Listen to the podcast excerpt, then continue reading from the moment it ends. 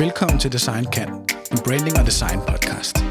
Din vært er brandspecialist og partner i AM Copenhagen, Christina Maj Pris. Vi skal i dette afsnit dykke ned i emnet visuel identitet, også kaldet corporate identitet, CVI, designsystem, designprofil. Kært barn har mange navne, men øh, en lille time med fokus på det at arbejde med den visuelle side af en virksomhed. Og derfor så har jeg inviteret to af landets dygtigste specialister med i studiet. Øhm, så velkommen til Olga Bastian og Simon Nellemann. Tak.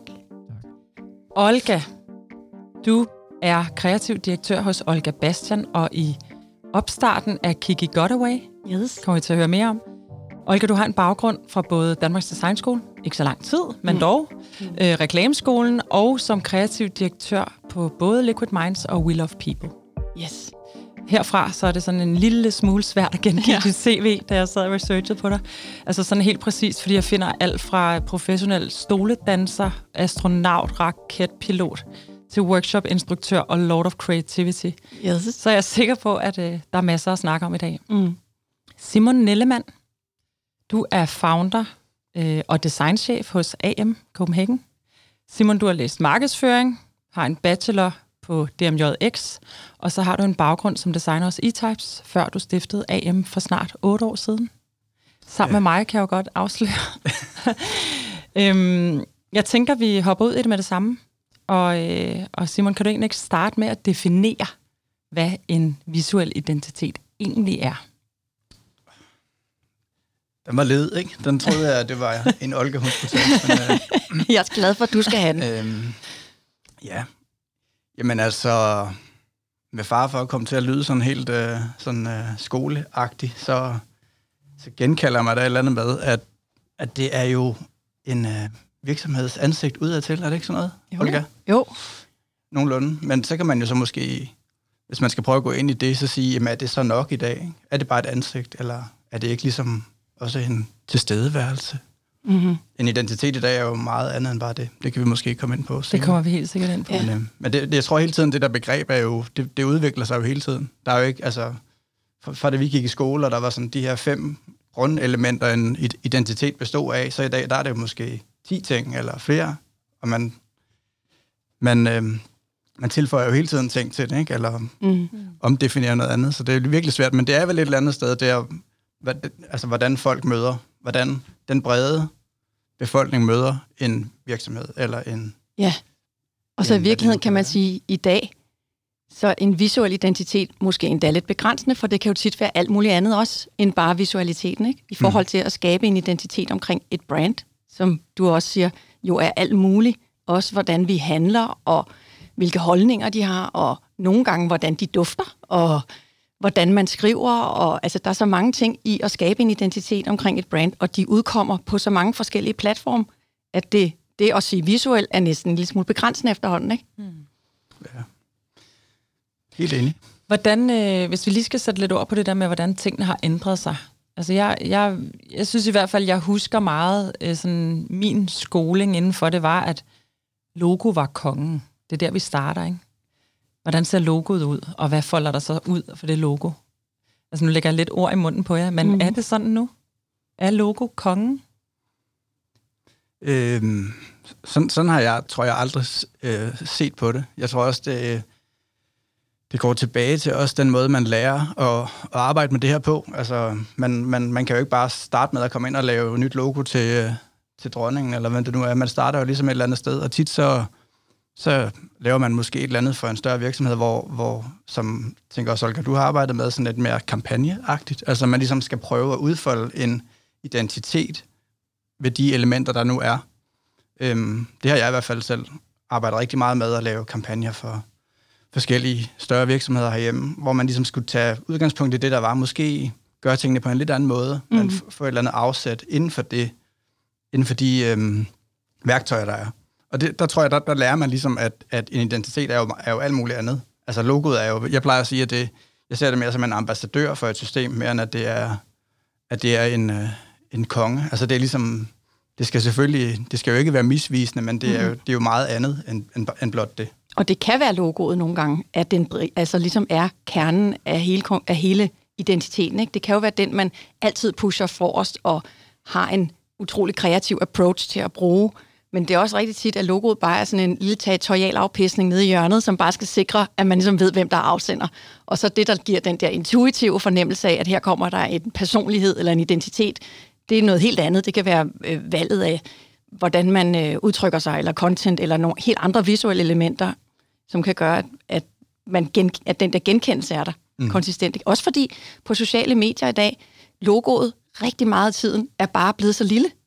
Mm. Altså det er ikke fordi, det er uvigtigt, fordi det er også tit der, man ligesom orienterer sig, når man sidder og kigger for eksempel på de her posts. Så siger man, hvem er det nu, det er fra? Så kigger man lige op og ser avataren. Men den er jo forsvindende lille i 90 procent af den kommunikation, vi laver i forhold til, hvad den var før i tiden, ikke? Ja. Jo, og jeg tænker også, øh, vi kan jo heller ikke styre på samme måde, hvad der kommer ud. Altså, mm. der er igen i forhold til det her med alle de kanaler, ting udkommer på, at brands kommunikerer på.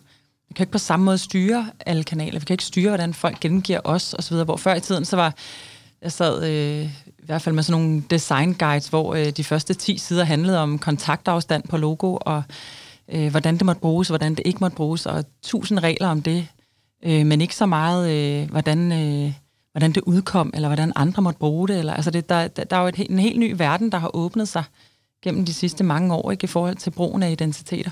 Det, jeg synes, i gamle dage, der lavede vi virkelig de her meget styrende identiteter, ja. og man får dem stadigvæk, fordi når vi sidder og laver reklame, så får vi jo tit en identitet, der er skabt udefra, så får vi de her ret stramme systemer, øh, som faktisk nogle gange er svære at arbejde med. Øh, I dag, at lave en identitet i dag, og lave en guideline, er fantastisk svært. Ja. At få at lave noget, som faktisk kan være konsistent, især hvis man arbejder for nogen, som har en stor gra- grafisk afdeling, som selv udkommer på mange platforme i løbet af... Altså, hvordan laver man noget, der levende nok har, har potentiale til udvikling, som er interessant fra gang til gang, og ikke bare det samme og det samme og det samme, og som samtidig har en stringens, og som folk faktisk kan sidde og arbejde med over tid. Ikke? Det, er en helt anden opgave, og utroligt. Og jeg tror faktisk ikke, jeg har løsningen. Nej. Nej.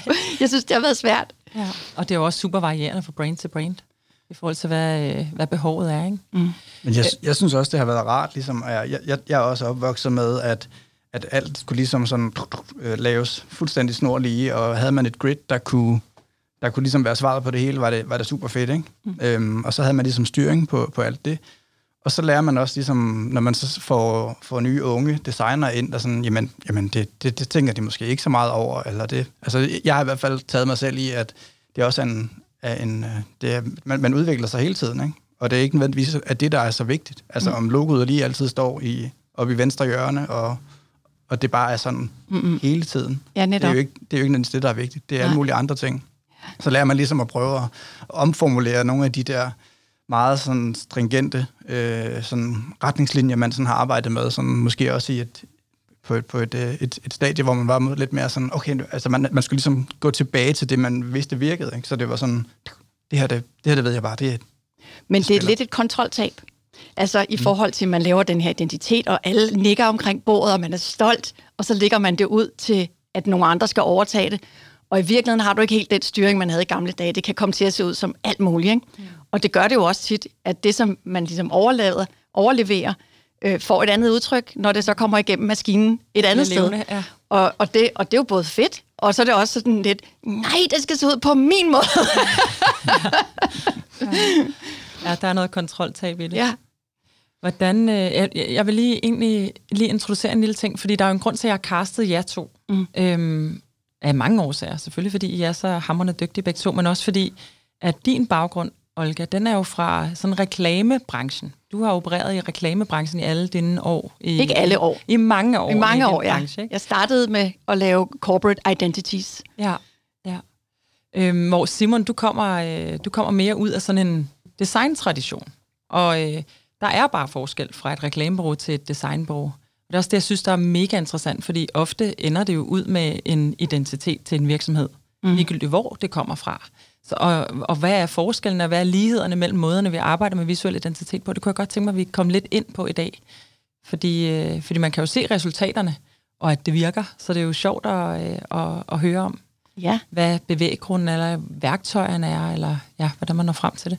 Men Olga, kan du ikke starte med fuldstændig grundlæggende at forklare, hvordan man laver en visuel identitet til folk, der ikke kender noget som helst til sådan en proces. Hvordan griber du det an? Meget forskelligt. Mm. Altså, jeg sad netop og tænkte over, hvad er egentlig processen? Og jeg tror ikke, jeg har haft to ens processer. At de er altid forskellige. Øh, nogle af de opgaver, jeg får, er rene logo, altså sådan klassiske logo-identitetsopgaver. Og så handler det jo om at øh, afdække, hvad er det, vi skal formidle, og hvem er I, hvad er ånden? Øh, hvor langt kan vi gå for at skabe noget, der er differentierende og i øjenfaldende, og som kan, øh, og som kan øh, skabe noget opmærksomhed. Øhm, ah, og ofte er det en... Og så kan det være, at den stopper der, du ved, med et logo og nogle farver, og det skal kunne bruges på en webplatform og sådan lidt. Ofte er det jo også et ønske om at kunne sige, hvordan ser vi ud på øh, især sociale medier, hvis man er en opstartsvirksomhed, så, så er det ligesom der, man skal kunne, kunne udkomme. Ikke? Og der vil vi meget tit starte et lidt andet sted end den klassiske vej, som var logo, farver. Så vil vi starte med at måske øh, sige, hvordan kunne et feed se ud? Og så lave forskellige udtryk for det. Og så ud fra den beslutning, der er truffet omkring det her, det kunne godt være en samlet fortælling om os, både visuelt og sprogligt, og hvad vi ellers kommer ind på, så vil vi så derfra skabe et logo. Så tit vil vi i sådan et tilfælde måske starte med at sige, hvad er det, hvad er det ligesom slutresultatet skal være, og så bakke baglæns, i stedet for at starte på at tage sådan mikrobeslutninger, og så prøve at samle dem til sidst. Ikke? Åh, oh, interessant.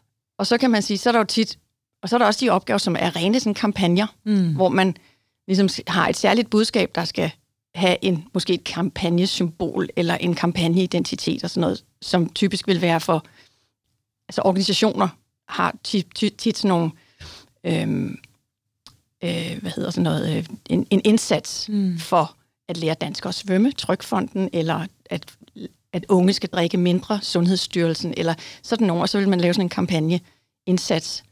Øh, og det er sådan lidt en mellemting mm. af de to, ikke? Ja. Fordi det er lidt mindre, det er lidt mere snævert, det er noget, noget der har en varighed. Ja.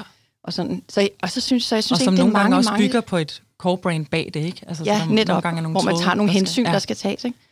Øhm, og så er der hele den der proces, der handler om at finde ud af, hvem er vi visuelt? Altså, som jeg synes er, er enormt spændende, hvor man, jeg synes, i tidligere tid, der var den, fik man tit sådan lidt djøffet skriv, hvor der stod, vi er fleksible, vi er fremadrettede, vi har... Øh, og sådan noget. Simon griner også her. ja, og så endte det i et eller andet med en cirkel og en pil. eller et eller andet. Det er et par firkanter. Som, og, og et par, nogle, nogle mennesker rundt om, der har ja. hinanden i hænderne. Som var cyanfarvet.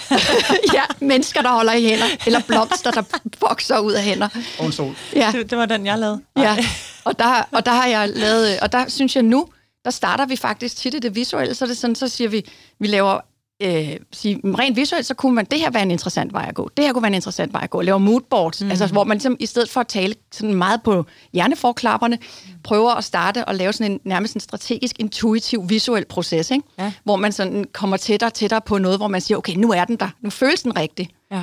Og så begynder vi at folde det ud og lave delelementer og sådan noget derfra. Ja. Ej, hvor interessant. Mm. Simon, øh, vil du ikke prøve at elaborere lidt over, øh, over processen, når... Øh Mm. Når du er med til at skabe øh, identiteter? Jo.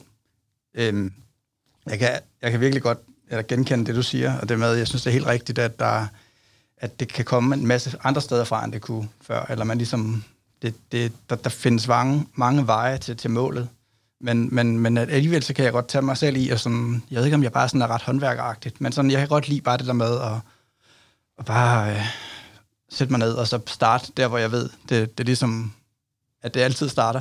Altså med at, bare prøve at bladre nogle typografier igennem, nogle former, eller altså et eller andet, altså tilbage til ligesom, hvad er ideen.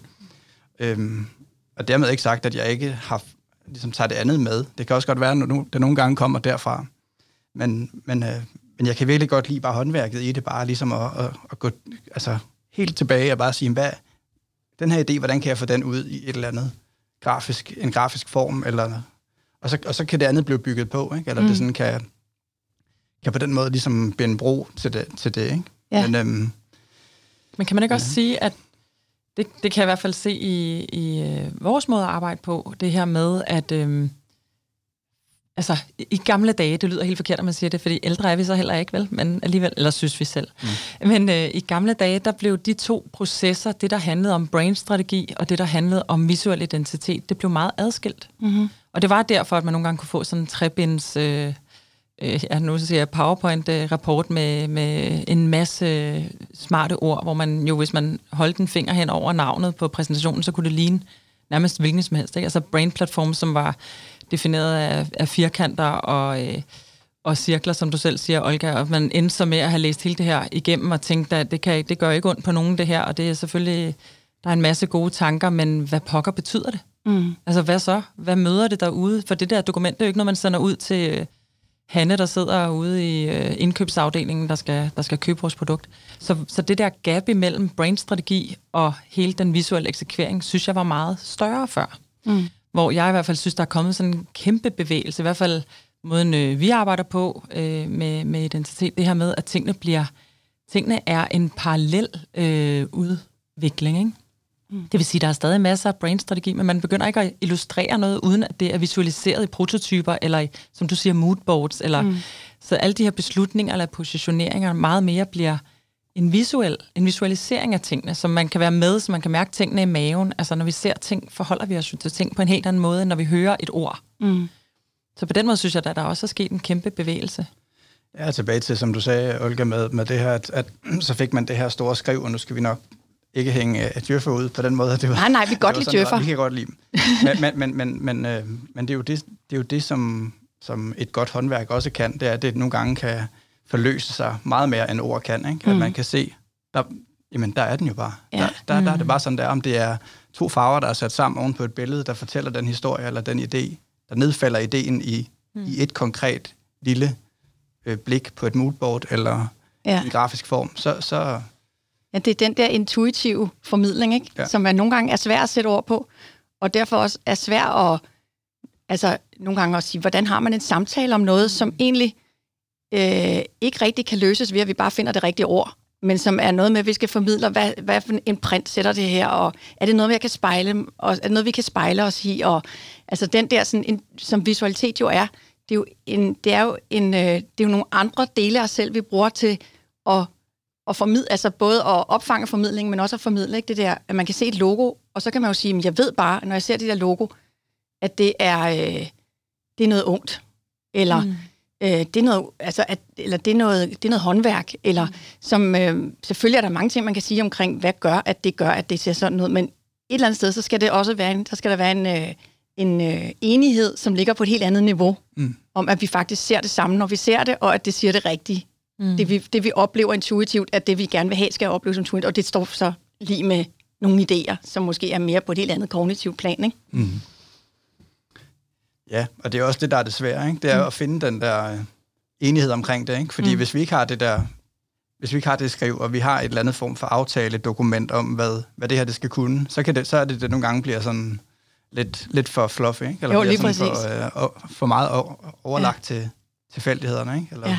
Jeg dem, der skal se på det? Jamen, jeg tror i virkeligheden, så er det der, hvor det bliver det største problem, for jeg synes jo, når man er i gang med en proces, så synes jeg jo rigtig hurtigt, mange kunder kan forstå det eller fornemme det, når man kører dem igennem de her enten workshops mm. eller brand audits eller et eller andet. Der er ligesom sådan en, ah, det giver virkelig mening, at, at uh, I ikke kunne forklare præcis, hvad processen var før, for nu kan vi godt se, at der er ikke nogen fuldstændig fast form, vi bliver presset ned i. Mm. Men det er i indsalget. Det i forklaringen omkring et givet projekt, den er svær. Mm. Og der tror jeg måske, det var nemmere, øh, eller det kunne være nemmere, hvis man virkelig øh, delte de her ting op og sagde, der er helt den her øh, sådan brain-strategi, som er så tung og så dyr og ligger her, og så er der hele design-eksekveringen, som er så tung og så dyr og som ligger her, og, øh, og så skal vi på en eller anden måde øh, forklare, hvad der er output det ene og det andet sted. Hvor det her med, at man binder tingene sammen og ser det som en sammenhængende proces, og at tingene kører parallelt, bliver jo sværere at definere, når vi så sidder og fortæller om projektet inden. Mm. Altså, hvordan øh, den her proces kommer til at foregå sådan og sådan og sådan og sådan. Altså, det ved vi jo ikke, faktisk. Mm. Vi, vi, øh, vi har haft held med det der med egentlig bare at starte ud med at lave workshoppen, uden ja. at overhovedet at tale om resten af projektet. Bare sige, lad os starte med at finde ud af, hvor pokker mm. er I henne. Mm. Starter her. Hvad men det er jo også en proces. Det er jo også en proces, sige, men den er bare meget kort. meget kort, ikke? Ja. Men, øh, men det er sådan, det, det, det er lidt sværere, det der med, når det kommer på sådan en fluffet plan, for det mm. er det jo. Mm. Altså, der er jo, som du siger, Olga, sindssygt meget intu- intuition i det her. Ja. Men jeg tror egentlig, altså når man har I ikke oplevelsen af, når man, så, når man kender opgaven, så kan man godt sige, okay, hvordan når vi mest jo, pragmatiske mål? Jo. Og så vil man, forestille, man vil bare foreslå noget forskelligt, Klar. afhængig af, hvad Klar. opgaven er. Ja, og ellers øh, foreslår man noget, og så reviderer man det undervejs. Ja. Det synes jeg, der sker tit rigtigt. Det kan også, rigtig ja, netop. Også, ikke? også fordi man finder nogle gange ud af, at det, som var briefet, mm. måske i virkeligheden var en, en skidt måde at bruge øh, mm. pengene på. At man finder ud af, at der er noget andet, vi burde lægge meget mere vægt på. Det er ikke at bygge en helt ny hjemmeside, der giver mening for jer. Mm. Tværtimod, lad os skinne det, I har, og lad os i stedet mm. for arbejde på brandet? Eller? Jeg tror, der hvor det bliver abstrakt, det er jo i forhold til, når du siger, altså du, du, har en, du får en brief, så starter du for eksempel en typografi, og den proces, hvor du sidder og siger, nej, nej, nej, åh, oh, den kunne godt, nej, nej, det er jo en intuitiv proces, mm. som ikke er sådan, nå, er det det, jeg siger, så skal jeg have en, der er øh, bred, maskulin, kasset. Altså, det er mere sådan en, det er mere sådan, man går ligesom hele, man går ligesom hele det der indre bibliotek igennem, og så siger man, mang, mang, mang, mang, mang, og så begynder man, og så langsomt begynder der at forme sig et billede af en visualitet, ikke? Og den proces er jo ret abstrakt. Og så på et eller andet tidspunkt, så lander den der, og så, og så er det ligesom at sige, okay, hvorfor det her, det føles rigtigt, eller det er, altså, det, siger, det er jo ikke kun på følelser, vil jeg sige. Det selvfølgelig er der også noget mm. tænk, tankevirksomhed, så kommer vi til at lyde som sådan nogle Ja, ja øh, forhåbentlig. en masse erfaring. En masse erfaring. Ej, det er, jeg bladrer bare. Det er bare totalt meget på følelser. Vi kan bare, det er sådan noget helt unikt noget, vi kan, det vi kan føle. Men, men, øh, men det der med så at omsætte det til, hvad er det så egentlig? Hvorfor er det det rigtigt? Og det, selvfølgelig skal man kunne forklare, hvad det er, man laver, hvorfor mm, det fungerer og sådan noget. Ikke? Men det starter bare tit i det mere sådan mavefornemmelsesregionen. Helt sikkert. Jeg, jeg, øh, jeg tror tit nu også, nu ikke er det øh, i forhold til, til proces, så, så, så har jeg det tit sådan, når, når vi går ud af et møde, så, så har jeg i hvert fald en god idé om, øh, hvad, hvor det skal hen. Nogle mm. gange øh, næsten for god. Altså, det, man har den der intuition om, jamen, det ved jeg faktisk lige præcis, hvordan det ja. skal se ud. Det, det er jo også noget, man lærer ligesom at, at sådan opelske, at man, sådan, man, man sidder faktisk allerede og idé-genererer, mens du er Men det er også det mest møde. inspirerende tidspunkt af en proces, det synes ja. jeg er briefen. Ja. Altså, og, så det, og det behøver ikke at være en... To, to minutter efter, ikke? Er, ja. er, det, er det det her? ja. det, altså det der, at der kommer en kunde ind ad døren, der virkelig har noget på hjertet, er passioneret og er i gang med et eller andet, eller har et stort mm. problem, og den formidling af, at det her det er noget, der er vigtigt, den er så vigtig og, og inspirerende i virkeligheden, og meget mere inspirerende tit, end at få det der skriv, som er blevet gennemgnasket og ja, står i, ja. i de rigtige kasser og sådan noget. Ikke? Ja. Altså at få den der sådan, den der, øh, okay, det her det skal løses, og imens de taler, det er sådan her er det også, så får jeg tit de der billeder og tanker, mm. og gud, så kunne man gøre sådan, og man kunne gøre sådan, og man kunne gøre sådan. Ikke? Så der er mange ting, der opstår på den der, det mm. første møde.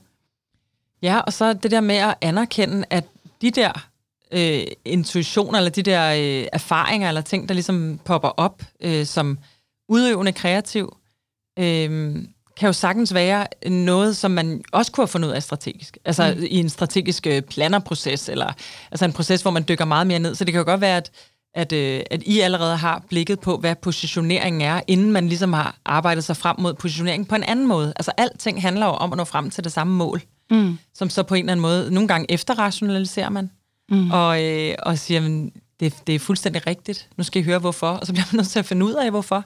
Mm. Altså i ord. Mm. Og andre gange går det den anden vej. Mm. Det er også derfor, at sige, at det er blevet en meget mere parallel proces. Selvfølgelig er der en masse research og en masse ting, som fuldstændig øh, indlysende øh, skal være i alle processer. Men derfra, så er det jo lidt, øh, så er det jo lidt mange veje, der fører til et mål. Mm. Det samme mål, forhåbentlig. Ja. altså, vi har da i hvert fald oplevet enkelte gange, jeg siger ikke, at det er sådan altid, men nogle gange kan designet være en løftestang for en, en, øh, en brandstrategi. Ja, strategi, ikke? Altså, at, at, at den faktisk giver noget ekstra, end man ikke kunne afdække i et, mm. et eller andet skriv og en, og en afdækning af markedet, og hvad mm. det nu mm. kan være. Men at mm. det faktisk er designet, der kan gå ind og, og ligesom vise en potentiel vej, som man ikke kunne finde mm. frem ved at finde øh, tre ord og en, og en et eller andet øh, persona-afdækning og, mm. en, og en potentiel tagline. Nogle gange så, så så, øh, så, så, så binder det jo, bindes det jo bare så smukt sammen i noget mm. visuelt, ikke? At, mm. at du sidder, kigger over på dig, Olga, så mm. sidder du og, og laver det der moodboard eller et eller andet, eller laver bare en, en, en idé på, på et slide, mm. og så er den der bare, ikke? Mm. Og, det, og det, kan, det kan både du, og det kan også uh, din kunde, eller, eller den tekstforfatter, eller de folk, du har med dig. Ja. Det kan de bare se. Det er ligesom, det bliver forløst i et eller mm. andet mm. Simpelt greb, ikke? Ligesom en sang kan gøre det, altså kan, kan binde det hele sammen. Ja, så processen er jo virkelig det, der skal til for, at vi kan komme hen et sted, hvor vi kan sige, nu er den der bare. Mm. Ja. Altså, hvad er det, der ligger til grund, inden vi kan tage den beslutning? Hvad er det, der skal være til stede, inden vi kan tage den beslutning, for at vi kan tage den beslutning? Mm. Fordi det, hvis man bare siger, jeg skal lave ABC, og så kommer man med noget, så mangler der jo også det fundament, der ligesom kan tjekke af og så sige, nu sidder den der. Og det kan jo godt, det kan jo så være alt muligt. Det kan være et stykke strategisk arbejde, skriftligt, ud, mm. ud, udviklet af øh, et strategibureau måske, eller nogle helt andre, eller det kan være en, en anden proces, man har været igennem. Men der er, den proces, den handler jo ikke bare om, at vi skal have arbejdet færdigt. Det handler jo om, at vi skal have, hvad hedder sådan noget, øh, det hedder matured i engelsk, mm. ligesom, øh, hvad hedder det på Modnet. dansk? Ja, man skal have modnet Mm. øh, øh, sin, sin, altså man skal blive klar til at kunne sige, at, til at man ved, at det her, det er det rigtige. Ikke? Ja. Det er Men- super interessant. Men der er så også gange, hvor det ikke virker, ikke? Hvor, ja. altså, det har jeg i hvert fald Har oplevet, det? at min intuition, den, er, den, er, den, er, den, er, den er forkert, eller den ikke virker, eller den ikke vil, øh, at den ikke ligesom kommer frem mm. før deadline. Mm. så, så er gode råd i dyr. Eller så, så, så, så er det, jeg tænker, så er det et håndværk, der kommer... Altså, så, så er det, man skal... Hvis det ikke kommer let til en, så er der, har vi jo heldigvis alle mulige andre redskaber, ikke? Til Jo. at kunne komme derhen og prøve at gå ned, og så st- starte som... Okay, hvad, hvad... Altså, som jeg tænker, en, en arkitekt går helt ned i... Okay, er der så noget i forhold til kompositionen af tegningen her? Er der noget med... Skal det, skal det være nogle andre mursten? Skal det være et eller andet? Skal facaden ændres? Altså, så, så går man ligesom tilbage til, til sit... Øh, for mit vedkommende Illustrator-dokument, og så smider jeg det væk, og så laver jeg et nyt, og så, Ja, eller cykler en tur, eller et eller andet, ikke? jo. It's all part of the process. Altså det der, man kommer sådan... Men der er jo den der, jeg synes tit, nogle gange, den der, at man præsenterer det, og den var der ikke. Og så Det jeg var der måske prøvet. også noget et eller andet sted. Det har jeg i hvert fald også prøvet. Altså masser af Det gange. Simon sagde, han har aldrig prøvet det. Nej, men det er jo også derfor, det, men det er jo, det er jo, du har aldrig prøvet det. Jo, jeg har. Ej, det det har jeg så. Jo, heller det ikke. Så, jo. Nej, det ved jeg. Jeg har. Men det er jo en del af, altså det er jo derfor, jeg tænker for øh, mange kreatører, vi er jo sådan nogle thrill seekers, altså det er jo fordi, der er en, det er jo også fordi, der er en risiko ved det, vi laver, at vi synes, det er fedt. Ja. Altså at der netop ikke er en checkliste, at man ikke kan sige, okay, nu har jeg beregnet mig frem til det fuldkommende resultat, og det skal nu præsenteres på årsmødet, og du ved, det vi laver, det har jo en helt anden, der er jo en anden risiko ved det, altså fordi du netop ikke kan sige 1 plus 1 bliver 2, eller der er ikke, øh, der er ikke et, et slutresultat. Man bliver nødt til ligesom at sige, okay, vi samler vi al den viden og al den inspiration, vi har, og så prøver vi at sige, hvad er det bedste bud på et, mani- en visuel manifestation af det. Og så kan det være, at det falder fuldstændig til jorden, men det er jo også en del af den kreative proces. I virkeligheden, det er jo ikke en fejl, det er jo bare, okay, så lærte vi det, og så må man ligesom sige, så kommer man videre. Altså. Men, men prøv at tænke på, hvor angstprovokerende det er. Nu er vi alle sammen sovset ind i vores øh, branche og vores fag. Ikke? Prøv at tænke på, hvor angstprovokerende det må være for en kunde, som måske aldrig har prøvet at købe design før, som skal købe det her. Prøv bare at tage de første øh, 27 minutter af vores samtale og så sige, vil du købe det? Altså, mm. fordi det er jo så skidesvært nogle gange at forklare, mm. hvad er det, processen er, og øh, sidder I der med jeres mavefornemmelser, og altså selvfølgelig er der jo sindssygt meget strategisk arbejde inden, det, det er jeg fuldstændig med på, men som kunde at sidde og skulle forstå det her, og købe ind i det, og øh, ja, arbejde med kreativ på den måde, det må virkelig være, Stressful. det må virkelig være stressful nogle gange, ikke? Jo. Øhm, og og øh, med det i mente vil jeg faktisk lige øh, få os et par skridt tilbage og sige, der sidder også lytter derude, som måske faktisk ikke rigtig ved, hvad en visuel identitet består af. Vi lagde lidt ud med at, øh, at tale om, er det et logo, eller hvad er det? Mm. Måske vi lige skal tage et skridt tilbage og sige, hvad er en visuel identitet sådan fuldstændig grundlæggende? Hvad kan den bestå af? Mm. Du sagde, det kan være en duft, det kan være en lyd, øh, men det kan også være, det er jo også en billedstil. Ja, i hvert fald en Det er- identitet kan være Ja, ja. Men en, hvis man siger Visuel en visuel identitet, identitet, ja. så er det jo alt det, der er visuelt. ja. Så prøv at sætte være. nogle ord på, hvad er en visuel identitet? I gamle dage, der var det, som vi snakkede om, det var logoet, og hvordan man brugte logoet. Mm. Så var det farverne, Mm. og så var det, og så ville der være en palette, en farvepalette, hvor der var nogle primære og nogle sekundære, og regler for, hvornår man brugte de primære, og hvornår man Og brugte de måske nogle sekundære. tertiære, hvis man var Og nogle tertiære også måske, Og nogle ja. toner. Ja, ja, det kunne godt være gradueret, sådan, så det var en 20 procent grå og sådan noget. Øhm, ja. Og så var det øh, typografi, og det var en øh, måske to forskellige typografier. Og så, var, og, så kommer der lidt senere på, kom de her sekundære webtypografier, eller måske i virkeligheden primære webtypografier. Og det var sådan cirka der. Femte element, glemmer vi? Den har jeg ikke, hvad er det for en? Jamen, det kunne være sådan en... Øh, Nå, en kunne- grafisk ja, illustration en, ja, eller sådan noget. præcis. Ja. Ja. en illustrationsstil eller en Ja. streg, der Og det gør kan- noget. Eller en, Og fotostil kunne også være en del af det. Ja, fotostil. Øh, og det er det egentlig mange gange stadigvæk. Ja. Men det kan også være alt muligt andet i dag. I hvert fald den der, i virkeligheden den der, du siger, det, hvad du kaldte det? Element, the second Det element. femte element. Det femte element. Ja. Altså den der grafiske ting, som kan være noget, der går igen hele Ja. vejen, er jo noget, der fylder mere, fordi at tit så skal det være den, som man bruger som en, en identitetsmarkør, og logoet er den, der er oppe i hjørnet, for eksempel. Mm. Ikke? Så nogle gange kan det være den, der i virkeligheden er den primære i dag. Det var sådan, det er i hvert fald sådan, hvad man tænker, hvis man skulle sige, man skulle skrive det i sådan en lærebog, hvad skal Mm. der være inde, så ville jeg tænke, det var noget i den stil. Det, er- det, det afspejler meget fint, hvad, hvad jeg husker fra min skoletid, ikke? med Mm. de her, de her grund, grundelementer og det grafiske element. Jeg tror også, det, det måske også øh, afspejler meget godt vores øh, forskellige baggrund, eller det med, når, når man har haft en meget sådan grafisk øh, baggrund som mig, og jeg husker også de første år, jeg var i, i praktik og i lære, kan man sige, så der var det jo meget det her med at opelske et simpelt grafisk greb, ikke? som Ja. ligesom kunne, kunne, øh, kunne manifestere sig på tværs af, af platformen. Så i dag så ser man jo ligesom, at det også nogle gange er, er, er svært at arbejde med. Ikke? Eller hvis man har et stort, øh, en stor cirkel, der skal gå igen på alle elementer, så kan det nogle gange være, være svært, hvis man har, skal lave en udstilling, der har, der har firkanter. Eller, mm. Eller der, der, kan, der kan være alle mulige, alle mulige ting omkring det. Og så er der selvfølgelig, som du siger, så er der jo hele øh, bevægeligheden også, der er kommet ind. Der kommer også til at lyde, som om vi er meget gamle, men, men der, er, der, er jo, der har jo snedet sig noget bevægelighed ind, og hvordan et, et, et, et brand opleves på den måde. Ikke? Altså, mm. at, at logoet ikke bare er, er, er, er er mejslet i granit ude foran den her bygning, men hvordan opleves det? Hvordan, hvordan, øh, hvordan, hvad er tilstedeværelsen på, på tværs af alle flader? Ikke? Mm. Det er jo også nogle, nogle elementer, som, hvor man også nogle gange kan starte. Ikke? Altså, at, Mm. at et logo ikke er, er tilbage til, øh, hvad for en typografi, og hvad for et, et, et, et håndværk, det ligesom udspringer af, men det lige så godt kan være en bevægelse. Hvordan. Mm. Altså, er det, en, er det en eller anden, er det en svus, der bevæger sig hele tiden er i bevægelse, der Mm. aldrig er, er statisk? Mm. Det kan jo også være... Og i virkeligheden interessant, hvad er et logo i dag? Mm. Ja. Altså, fordi hvis det er den der signatur, hvis, hvis man siger, i stedet for at sige, det er et logo, så siger det er vores øh, company signature, eller vores sag, så, øh, så tænkte jeg øh, over altså sygeplejerskernes strække her, som har, jeg tror, den virale komponent, de har, det er et badge, man kan sætte på sin, sin øh, øh, hvad hedder sådan en, Sin profil. sit profilbillede. Mm. Ikke? Og, så, og de har fået alt for let øh, støtte og opbakning for alle os andre. Øhm, og så kommer sådan en sag som crop, tops i Vej, crop top gate i Vejle, ikke? hvor at hele, altså alle kulturpersonlighederne stiller sig op med bar mave. Mænd og kvinder, tykke og tynde, alle sammen. Og, det, og man kan sige, det er selvfølgelig vigtigt, at vi kan få lov at gå med crop tops. Det er der ikke nogen, der skal have lov at bestemme.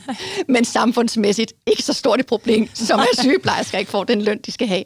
Men de har bare ikke fået det rigtige logo. Ja. Altså, det er jo interessant, at på den, i den, øh, som jo så man kan sige, der er jo ikke nogen afsender på den indsats omkring Så logoet Vejle. på crop tops er øh, billedet af en hvem som helst. Der En mave. Ja, altså i præcis, virkeligheden kunne man sige, det er jo i virkeligheden signaturen på den, Mm. som jo så er en En bottom-up key- kampagne, key kan man visual. sige, fordi der er ikke nogen, der afsender på den. Men det er jo ligesom det, der er signaturen, og, og øh, så man kan sige, det er jo ikke altid et logo, er den der grafiske dims, eller det, der gør, at vi har sammenhængskraft, er den der graf- grafik. Det kan også være noget helt andet, der gør, at der er sammenhængskraft i, en, i et udsagn, eller i en, øh, Mm. i en indsats, eller i en, et eller andet, ikke? en bevægelse. Ja.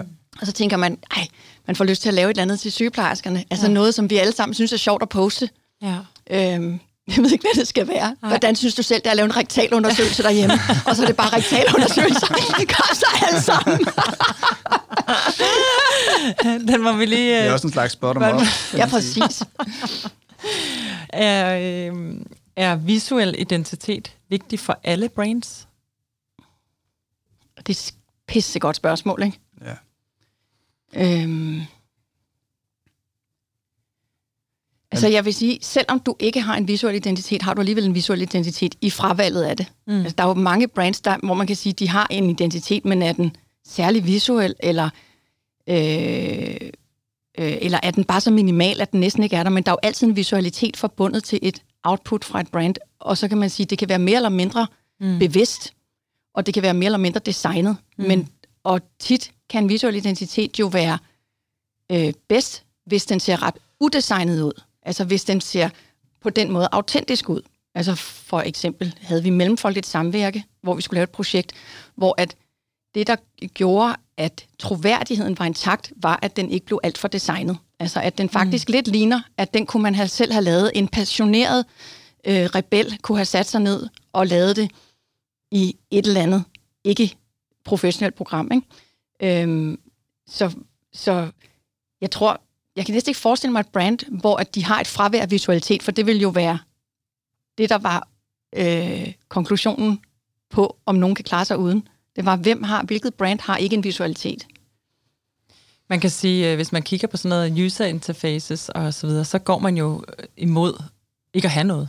Altså man mm. arbejder så mere og mere hen imod ikke at have noget, men det gælder jo selvfølgelig ikke uh, brandet bag, men der er et eller andet, også med packaging nogle gange, man går, man går hen imod at have så lidt packaging som muligt, mm. for at produktet indeni kommer mere til syne, og vi ikke uh, unødigt bruger mm. en masse materialer og sådan noget. Men der er jo stadig en eller anden der skal jo stadig være et eller andet, der gør, at vi synes, at den virksomhed gør det godt, så vi kan huske, at det er den virksomhed, så vi kan se, at det er den virksomhed. Og user interfaces, Men, der tænker du sådan noget Pinterest, Google? Ja, altså de jeg tænker bare sådan i det hele taget, den måde, vi arbejder med, med skærme på, så det skal, mm. jo, det skal jo, vi skal jo nærmest kunne bruge øjnene for at bevæge os rundt. Der skal være færre og færre redskaber alle mm. vejen. Altså, i virkeligheden skal det være usynligt. Ja. Altså, alting skal være usynligt, så det er så nemt og så brugbart som muligt. Ja. Øhm, og det er jo, altså, det er jo en eller anden, et eller andet ønske om at forenkle, forenkle, forenkle. Det er rigtigt, ja. Øhm, men, men øh, om man kan sige, at det er det samme med, med visuel identitet, det, det, det tror jeg ikke på for dig. Mm. Der skal jo altid være en eller anden afsender. Der er jo altid, der er jo altid en forretning i den anden ende. Mm. Altså det kan man jo sige, om vi ved det eller ej, så alle de kunder, vi sidder med, er det jo er ønsket jo, at de skal på en eller anden måde huskes, mm. øh, eller glemmes. Altså det, det, det, nu ved, ved jeg ikke lige, hvilken en forretning jeg kan nævne, men det kan der selvfølgelig også være et ønske om. men, øh, men, men det er jo noget med, at det skal være bevidst i, i ens... Øh, altså man skal kunne huske det, det brand, man har mødt, sådan så at øh, det handler jo om bundlinjen i grundlæggende, ikke? Øh, i alle de virksomheder, vi sidder med. Men det er bare en sjov, det er bare en sjov tankegang, det der med, bevæger vi os hen imod, at ting skal være meget mere usynlige, og så er der bare den der lille endorser, der gør, at vi husker, hvem vi har været i kontakt med. Mm. Som altså, der er inden for andre felter, ikke? Jo, for, hvor er vi? Så hvis vi siger, okay, user interface, så tænker vi for eksempel øh, nogle af de softwares, vi ja, bruger. Ja, okay. præcis. Ja. Øh, og der er det rigtigt, fordi der kan en, der kan en stærk visualitet stå i vejen for ja, brugervenlighed. Præcis, ikke? Præcis. Fordi så lige pludselig så, mm, vi synes, den der knap skal være blå, men der er ikke noget intuitivt Nej. årsag til, at den er blå, for eksempel. Nej. Og så har de jo altid sådan en lille startup screen med et eller andet, en kunstner, der har lavet noget med en dame med nu tænker du på WeTransfer? Eller? men WeTransfer har jo også en visualitet. Ja, præcis. Ja, ja, i den grad. Øhm, de har ja. mange. Ja. Men det er meget interessant, fordi alle de der øh, store tech-giganter, netop Google, Pinterest, øh, øh, Facebook, Instagram, som jo alle sammen ligner hinanden, mm. med, som har fået den nærmest den samme typografi, ja, forskellige ja, farver. Ja. Og også hvis man tager ind for sådan high-end fashion brands, mm som før i tiden havde mere distinkte, hvis man så går ind, distinkte logoer, når man mm. så går ind på deres website, så har de nærmest alle sammen fået den samme sans serif mm. med, stor, mm. med bred spacering i sort. Ikke? Mm. Og det må der jo være en grund til. Altså, mm. hvad er det, der gør, at lige pludselig, så går man fra at have de her meget ja, særlige, meget personlige logoer, til at vi lige pludselig får sådan nogle meget sådan tech, tech, tech altså logoer, der, mm. der fungerer på tech, og som egentlig ikke har noget sådan virkelig stærkt personligt præg, men som mm. er en men som bare ser, det ser måske sådan reliable og professional ud, mm. men der er ikke sådan en, hvor man tænker, ligesom det gamle Pinterest-logo var vidunderligt smukt, mm. ikke? nu står der bare Pinterest, og mange af, øh, altså, det bliver, det er ligesom alt den der personlighed er blevet skrællet lidt af mm. til fordel for noget, jeg ikke helt er sikker på, hvad er. Men ligesom det... med alt muligt andet visualitet, ligesom med fashion, altså tøj og mm.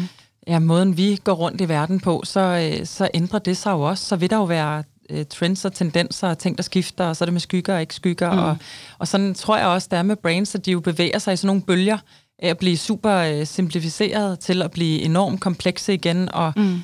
det er jo bare, øh, det er jo, det er jo det er jo forståeligt, men det er jo sørgeligt, at det gør det på samme måde, fordi alt jo i de perioder ligner rigtig meget hinanden. Ja. Men det kan jo godt være, at der er nogle, at der er nogle parametre, der gør, at, at de kommer til at se sådan ud. Altså mm. nu, nu tænker ja. jeg ikke, altså jeg husker jo stadigvæk tilbage fra de der 10 år siden, hvor, hvor der altid var var nogen, der ligesom løftede hånden og sagde, har I, har I tænkt over, hvordan det ser ud på, på digitale flader? Altså, er, kan, kan man læse den der typografi? Eller kan man, mm. altså, der, der var de der sådan helt tekniske, øh, hvad kan man sige, benspænd omkring det.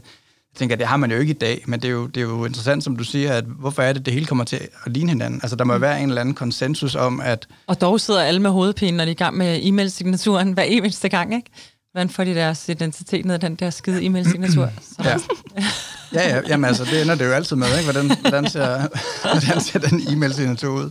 Men, men det, er jo, det er jo interessant, ikke? at vi på den måde får øh, teknisk øh, er, er på et sindssygt mm. sted. Ikke? Altså, vi kan nærmest lave alt selv. Vi kan, vi kan lave animationer selv, vi kan lave film, vi kan lave det hele. Det hele kan bygges sammen. Vi kan da finde nogen, der kan gøre det. Altså, det er jo ikke som i gamle dage, hvor det nærmest var sådan lukket haller. Ikke? Altså typografi mm. i dag også, du kan jo, du kan jo købe alskens typografi, virkelig flot gennemdesign. Du kan også købe, altså bare bruge Google-fondet, som også efterhånden er på et, et super godt niveau.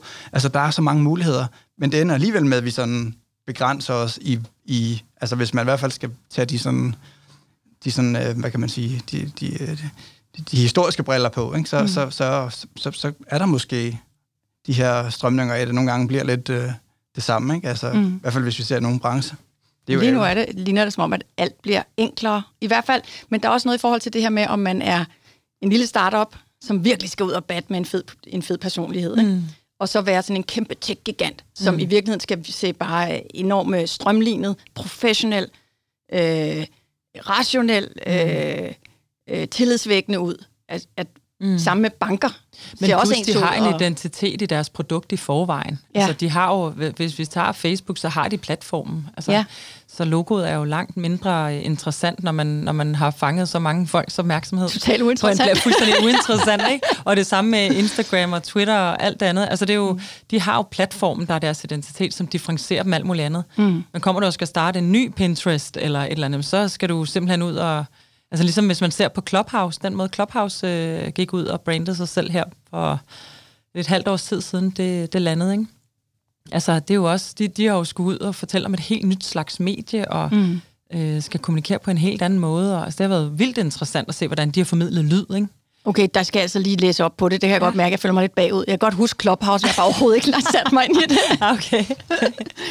men det glæder jeg mig til. Ja, ja. Mm. ja men jeg ved faktisk ikke, hvor Clubhouse er henne lige nu. Jeg, synes ikke, jeg har ikke hørt så meget her på det sidste, men, men øh, det, det er jo i hvert fald det nye lydmedie. Mm. Eller, det, nu er det ikke helt nyt længere, men... Men det er jo også interessant at tænke en visuel identitet ind i en eller anden form for dramaturgimodel. Ikke? Mm. Altså, du har et brand, der skal ud over rampen. Så er, det måske, så er der måske fokus på altså, du har ligesom et timeslot, hvor du virkelig skal baller igennem, ikke? Altså, okay, mm. nu har vi fået et nyt logo, for eksempel, ikke? Eller mm.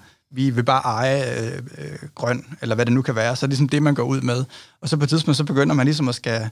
Så er der ligesom andre ting, man skal igennem, ikke? Altså, så, så er det ikke det, man lægger mærke til med, at åh, oh, det der logo med, med, med hesten der, det, er, det er virkelig... Ej, hvor er det mm. flot, ikke? Mm.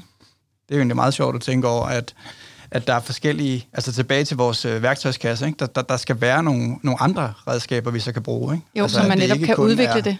Så der er plads der, til vækst. Ja, mm. så det ikke kun er ambassadøren eller, mm. eller kongen, der ligesom er der hele tiden, eller, eller farven. Altså, det er jo også svært at gå ud og eje en farve i dag. Ikke? Altså, ja, det må man sige. Mm. Og en farve kunne man få for straks, hvad kan man eje? Er der en farve, ingen har taget? Broen? Nej, den er, den er taget. Ja. Kaffe, kaffe har taget. Og Mulberry og sådan ja, noget, præcis, ikke? Ja. Men de er så blevet sorte, tror jeg. Ja, ligesom alle de andre. Ja. Den tager vi. Den tager vi. Øhm, Skidenbrun. den er der ingen, der har taget. Jeg husker min gamle, min gamle kollega Mie Williams, hun havde altid sådan noget, når hun skulle fremlægge farver, så havde hun altid sådan, og den her, den er sådan galleblære gul. okay. altid sådan et virkelig lækkert ord til at starte den ud med. Det er, det er fordi, det skulle være quirky og edgy, og sådan noget, en galleblære gul, eller en skidenbrun, eller noget. Okay. Ej, ikke Jeg kan se, det virker for nogle kunder. Ja, ja, det er ikke sådan, at alle kunder får den. jeg så hvis I ringer til Olga, så... Sunshine ja. yellow, eller et eller andet. Ja, det ja netop. Sådan, men, ja. men nej.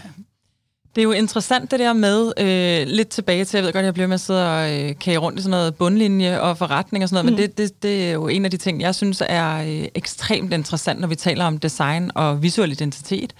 Øh, hvordan understøtter det en forretning? Hvordan skaber det mere forretning? Hvordan kan, og det er jo selvfølgelig også kvæg, at jeg sidder i rådgivning af kunder i forhold til, hvorfor det er værd overhovedet at skifte en identitet, mm. eller arbejde med en identitet, revitalisere en eksisterende identitet. Mm. Øhm, og der synes jeg jo, det er, det er interessant at tale om det der med, at ja, vi har alle de her elementer i en identitet. Øhm, men også når man sidder og arbejder med den og finder ud af, hvad for nogle af dem skaber så mere forretning, hvad for nogle af dem kan være kan, kan løse nogle kæmpe udfordringer for jer. Og jeg synes, et, et sjovt eksempel, jeg lige vil trække frem, det er også i en tidligere podcast, men det er for eksempel med kraftens bekæmpelse og den her Øh, altså kraftens bekæmpelse kunne man jo have valgt en hvilken som helst typografi til i og for sig, men eftersom kraftens bekæmpelse kommunikerer til så utrolig mange mennesker og har, kan jeg huske, om det er 46 eller 47.000 frivillige, som også skal på en eller anden måde kunne bruge den her identitet, så var det en kæmpe asset og også en kæmpe forretningsmæssig asset at lave en øh, custom typografi. Mm. Så ikke at gå ud og vælge noget eksisterende, men simpelthen lave, udvikle en typografi, som havde så meget identitet over sig, så folk bare, hvis der står øh, hej øh, via kraftens bekæmpelse, så kan man se i typografien med tiden, at det er kraftens bekæmpelse, der kommunikerer. Mm. Og når jeg siger, at det er en god forretningsmæssig øh, ting, så er det jo i forhold til for eksempel licens. Mm. Altså det der med at betale licens på en hjemmeside, som er en af de mest besøgte, øh, desværre. Øhm, men, men, øh, men det der med at betale hver gang, man, hvis man har en licensfond, skal betale hver gang, at der er nogen, der klikker ind på ens hjemmeside, eller betale per måned eller år, eller der er jo forskellige aftaler. Men det der med at kunne gå ind og, og highlighte nogle ting i en visuel identitet og sige, går vi den her vej, det kan vi faktisk også skabe meget, meget bedre forretning for jer i længden, eller mm. øh, ændre noget markant øh, i forhold til jeres brugere, eller folk, der skal mm. benytte jeres identitet osv., ikke?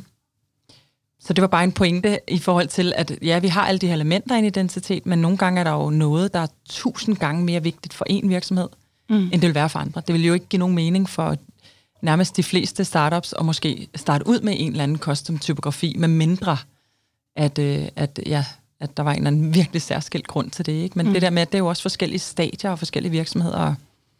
Nogle er det vildt vigtigt med farven, nogle handler det kun om bevægeligheden, nogle gange handler det kun om transitionen nærmest fordi det kun er på øh, digitale kanaler, og, øh, eller digitale medier, og andre gange er det noget helt andet. Ikke? Mm. Jeg synes i hvert fald, på tværs af kunder, øhm, så er der jo, tænker jeg, fra alle kunders synspunkt, et, et ønske om, at den her visuelle identitet, de skal have lavet, om det er en stor eller lille, eller, eller et tweak, så vil de gerne have, at det skal, være, det skal gerne være lettere for dem. Ikke? Altså, det er jo også det, vi ligesom, tænker jeg, tilbage til, hvorfor det er, at vi laver det her. Ikke? Det skal ligesom have et eller andet det skal have noget, som er brugbart, og som, kan, kan ligesom, som de kan arbejde med at få det her også output ud af. Men, men jeg synes bare tit, at, at, at, at det kan være... Altså, at det er jo ikke bare... Altså, det stopper jo ikke ved os, at vi laver et eller andet, så det er rigtig flot, og så er der nogen, der skal sidde og, og arbejde videre med det. Altså, det er jo ikke...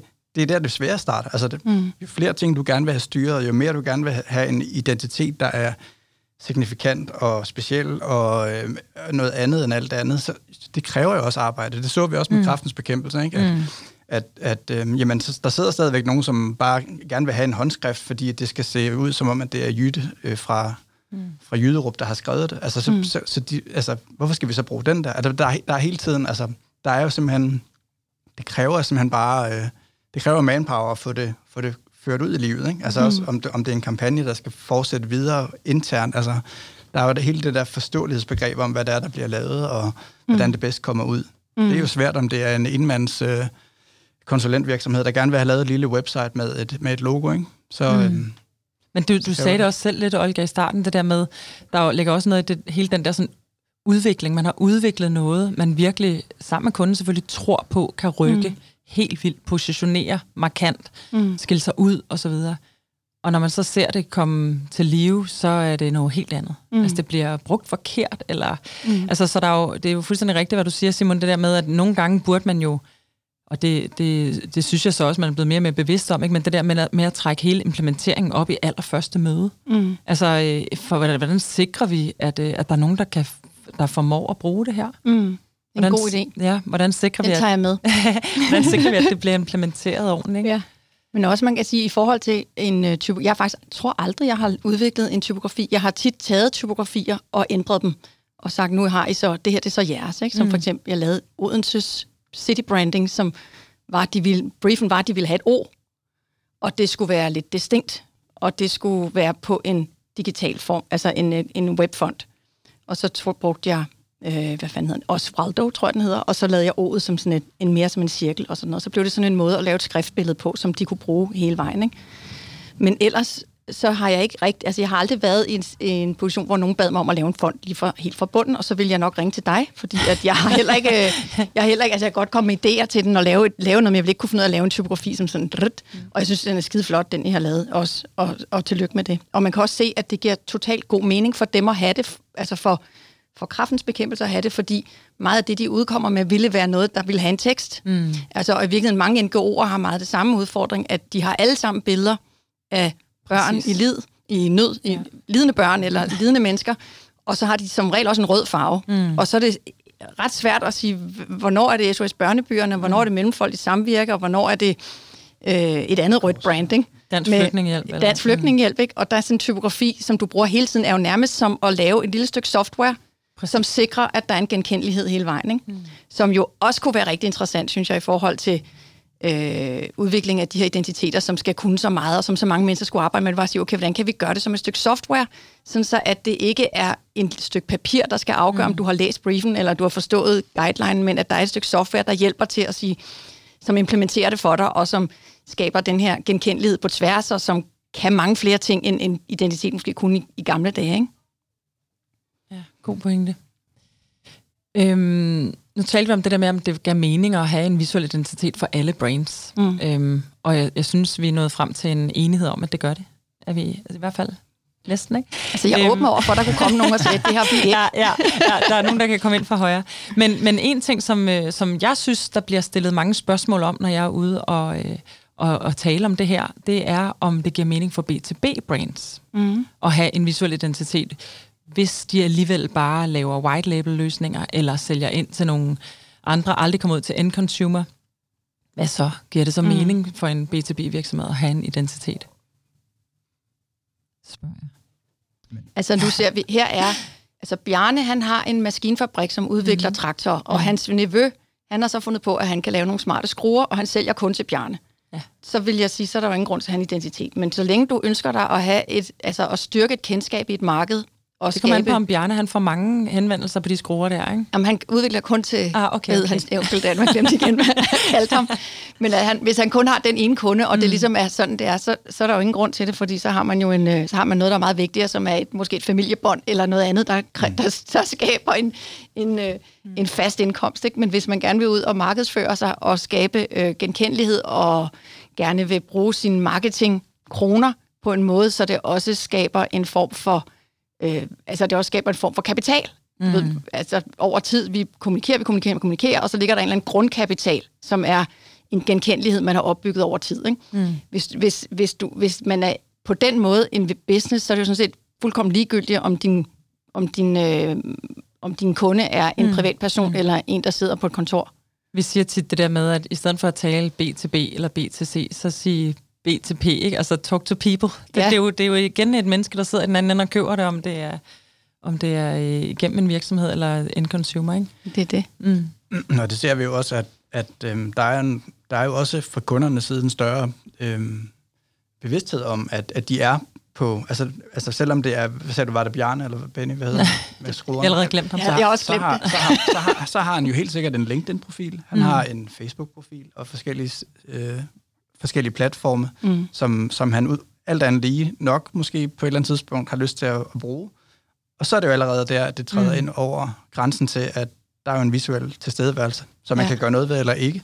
Mm. Det er der heldigvis flere og flere, der, der gerne vil, eller i hvert fald forsøger at gøre. Ja. Øhm, så lægger de selv et par billeder og nogle skruer op, eller, ja. mm. og, og skriver et eller andet henover. Ja. Så, så er det jo allerede så er vi i gang altså, det er jo også det der, hvis du er en enmandsbusiness, og din business er dig, Mm. Jeg ringer til mm. øh, Søren, og, og jeg vil bare have Søren. Så er Søren jo brandet og ansigtet. Ja. Men altså, han har jo stadig måske brug for en visuel identitet. Altså, vi, vi så har jo faktisk lavet mange Kan ikke huske gamle dage, de der, de der visitkort, hvor der var et billede bagpå? Så sad de sådan, møder vi altså stadig, Olga. Sådan lidt op ad Så sidder vi sådan lidt op ad en stuebirk og ser, ser venlig ud. Og ser ufarlig ud op ad en stuebirk. han gør ikke nogen fortræd. Nej, ham vil jeg gerne købe af. Ja. Det må komme tilbage igen, tænker ja. jeg, med billeder. Men det, men det er jo sjovt, fordi nu sidder vi med flere personlige branding-projekter. Mm-hmm. Altså, så det er sjovt, du nævner det, men det der med, at der er jo faktisk ingen forskel. Mm-hmm. Om vi sidder med et personligt brand identitet, eller vi sidder i en kæmpestor corporate virksomhed. Det er selvfølgelig en meget, øh, måske øh, mere kompleks, øh, hvad kan man sige, problemstilling, eller kompleks pro- øh, projekt.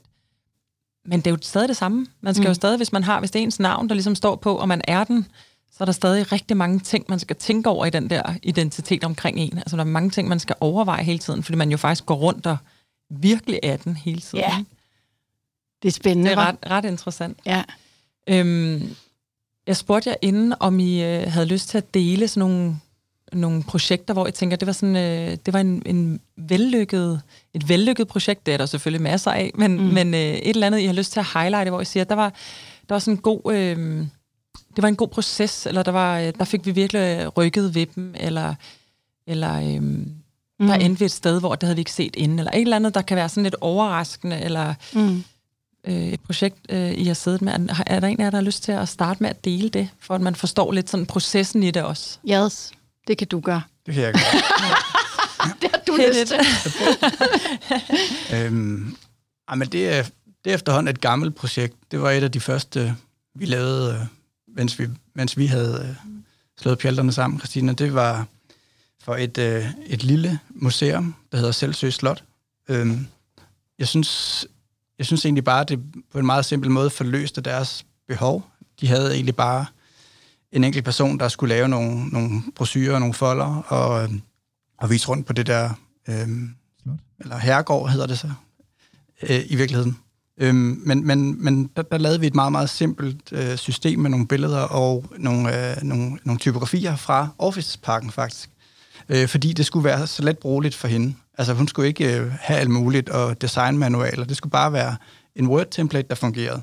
Og det, der synes jeg, der, der, der øh, for mig, der, der forløste det det, altså det, det, man, det, man kan som designer. Ikke? Lave noget, der er let, brugeligt, eller brugbart, og som har en, en stor effekt.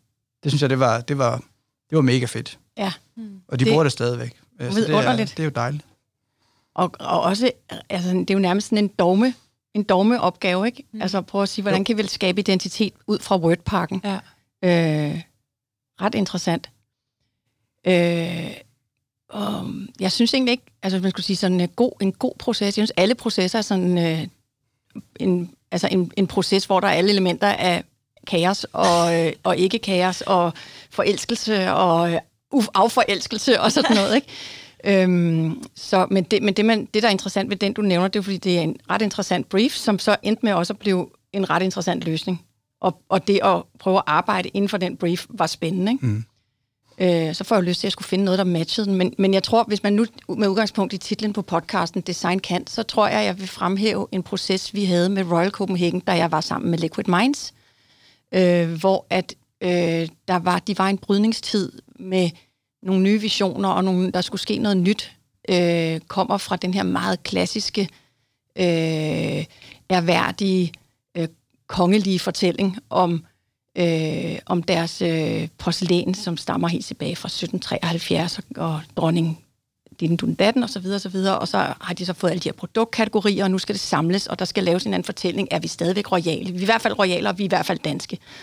Og, øh, og, og virksomheden var øh, var på det tidspunkt egentlig meget i starten af deres egen tankeproces. Så det var ikke sådan, at de kom med sådan en, her er løsningen, det her det er, hvad vi vil være. De var mere sådan en, noget skal ske, og det her det er, hvor vi kommer fra, og, og, vi, og vi er måske ikke engang enige. Og så gik vi igennem en, en forholdsvis lang proces, som nærmest blev terapeutisk, fordi det var mange møder, vi havde, og det var en lang sådan visuel, strategisk proces, hvor vi ligesom startede med at sige, okay, så det vi kan blive enige om, det er, at vi er danske, og vi er design, og vi er royale. Øh, kunne man forestille sig, at dansk, det kan jo være mange ting. Og så foldede vi danskhed ud, og så foldede vi royal ud, og så foldede vi design ud, og så stod man der og havde den der snak, som jo netop var sådan meget, du ved, egentlig en meget følsom snak, for man bliver nødt til at tale ud fra noget, som er øh, intuitivt. Øh, og, øh, og, altså, så er sådan en blidhed, synes jeg også, der kunne komme over de der samtaler om, hvad er det sådan, vi er, og vi er mere her, end vi er her og her og her. Og så gik vi hjem og bearbejdede alle inputsen, og så sagde vi, at vi, så, vi har skrællet det her væk, så nu er vi lidt mere her, og så prøvede vi igen at blive mere præcise, indtil vi til sidst var øh, et sted, hvor vi havde en eller anden fælles forståelse af, hvor det her nye skridt lå. Og ud af det kom der de her annoncer, som var sådan nogle heraldikker, altså som var Øh, det var et, der var, øh, det var, altså heraldikker, det er jo sådan nærmest en form for våbenskjold. Så hver annonce var et våbenskjold, som ligesom var, i midten havde du det her kerneprodukt fra dem, og ud af det, der kom der så alle de her associationer, der var til det produkt, som kunne være stejlende heste og cykler og blomster og håndmalet, og det hele var sådan meget øh, enormt dekorativt og smukt, og, og håndværksmæssigt lå der utrolig store mange timer i at lave de her øh, dekorationer, som blev nærmest en direkte oversættelse fra håndværket, der var i produktet og i virksomheden, til håndværket, der så var i slutresultatet. Men vi var aldrig, aldrig, aldrig nået til den, øh, til det, eller til den øh, visualitet, eller den kampagne, eller hvad vi skal kalde den, øh, uden at vi havde haft hele den her lange mm. rejse. Mm. Øh, Så det synes jeg var en, en super interessant måde at sige, det kan man også i en visuel identitet, altså virkelig komme frem til. Det er nærmest den der terapeutiske proces, hvor man finder sig selv som branding.